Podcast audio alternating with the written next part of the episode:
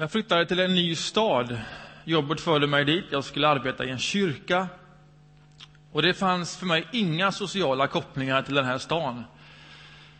Och det där är ju en utmaning och det där är ju en möjlighet. Möjligheten är ju att man inte bara gör det man annars givet skulle göra för att alla sociala vägar redan var upptrampade. Utan man tvingas eh, skapa det en första gång i en ny stad. Och hur gör man det? Ja, det är inte så enkelt. Eh, men så får jag en invit från en kille jag möter i stan där han behöver en ny squashkompanjon, squashpartner. Ni vet squash, den lilla banan. Eh, och jag bejakar naturligtvis det. Jag hade aldrig spelat squash förut. Och det hade han. Eh, vi bestämmer tid och plats. Vet ni hur en squashbana ser ut?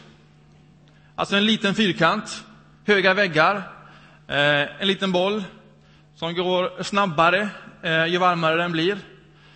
Eh, och eh, bollen får gå i alla väggar, eh, men inte taket. Det är liksom basic-reglerna. Och det är en liten bur. Står man i mitten så är det kanske tre meter åt varje hål. Alltså väldigt små sträckor. Så, va? Eh, och så börjar vi. Börjar vi kasta loss. Är du med? säger han. Ja, visst, han står där och jag står där väldigt nära. Och så skjuter han. Eh, eh, och bollen bara dör någonstans. Ja, jag tänker jag. Vi tar en ny sats. Och sen kör vi en första, en första squashmatch.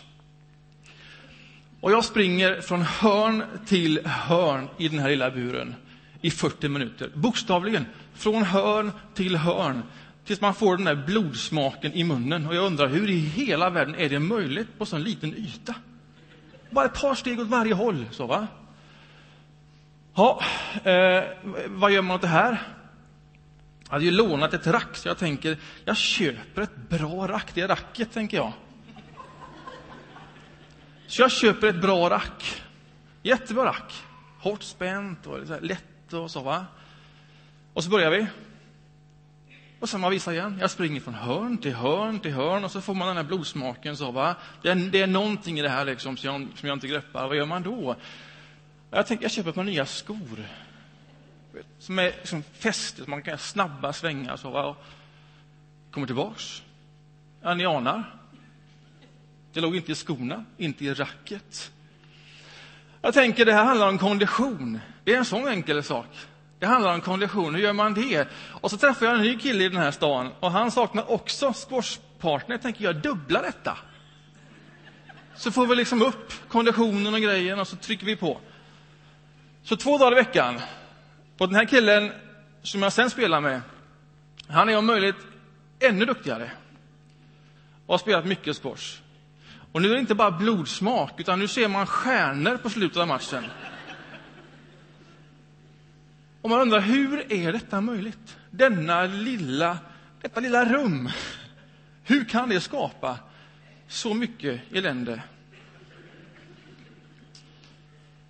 Så efter, eh, ja, vi körde ett par år, men efter något år så säger den mer bevandrade av dem eh, ett, ett litet tips här. Alltså, om man efter varje boll tar sig tillbaks till mittposition, så att man står precis i mitten av den här buren, då är det inte så långt till nästa boll. Men om man springer liksom från ena hörnet till andra hörnet, så blir det en väldigt lång sträcka att färdas.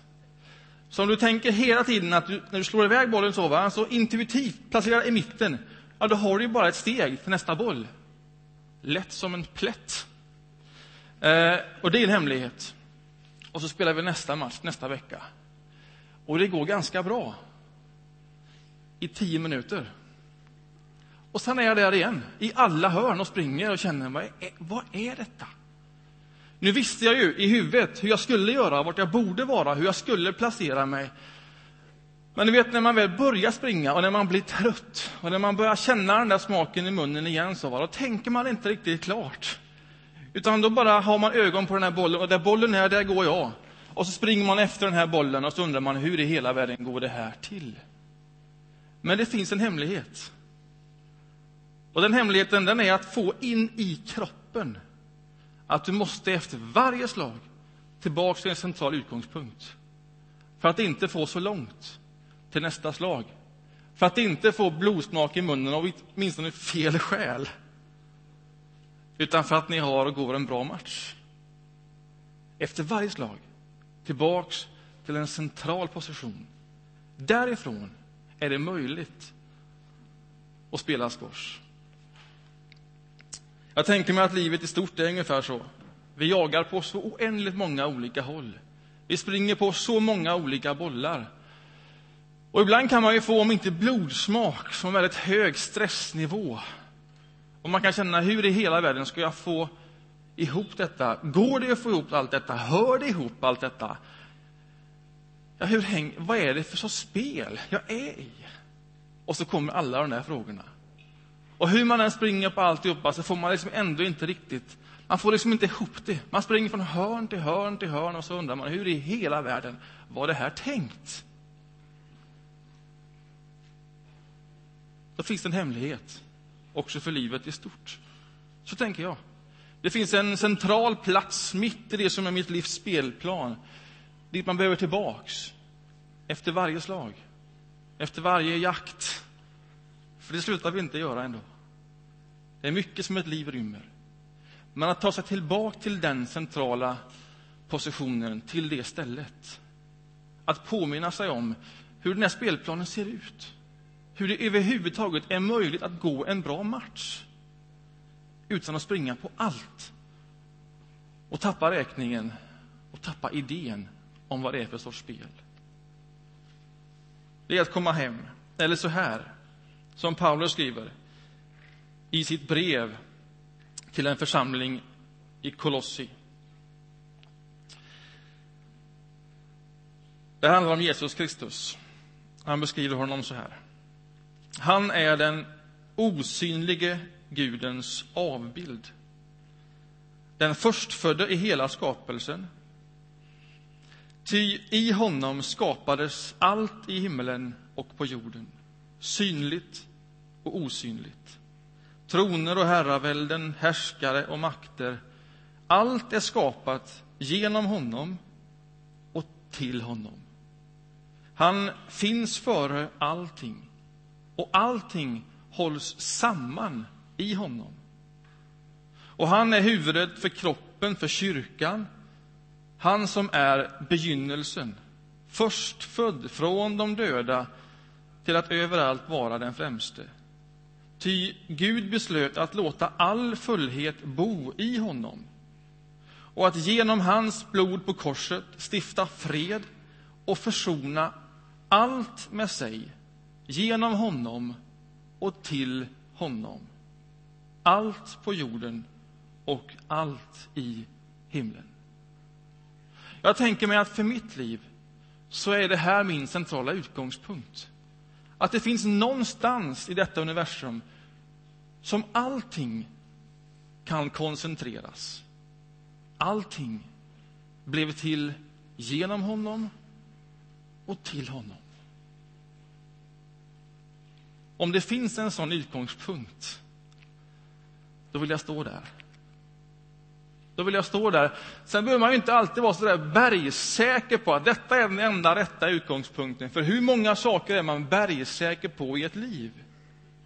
Men om man springer hur som helst och var som helst och inte får det att gå ihop, så kan det ju ändå vara värt att försöka att åtminstone utse någon punkt och pröva den punkten som en möjlig utgångspunkt för det som är ett liv. Om det nu är så att allting är till genom honom och allting är till till honom. Om han är, som man säger, den första och den siste, början och slutet, då är det en bra utgångspunkt. Då är det därifrån man kan förstå och ta emot ett sånt här liv. Så tänker jag. Hur påminner man sig om det här? Ja, det är inte bara en sån där intellektuell påminnelse, det är inte bara en tanke Eh, tankeresa man gör. Vi gör det här i vår gudstjänst varje vecka. Dels att vi sjunger om det, vi läser om det, vi påminner oss ungefär så här. Och sen firar vi också nattvarden, som ju är det mest koncentrerade uttrycket för vad kristen tro är.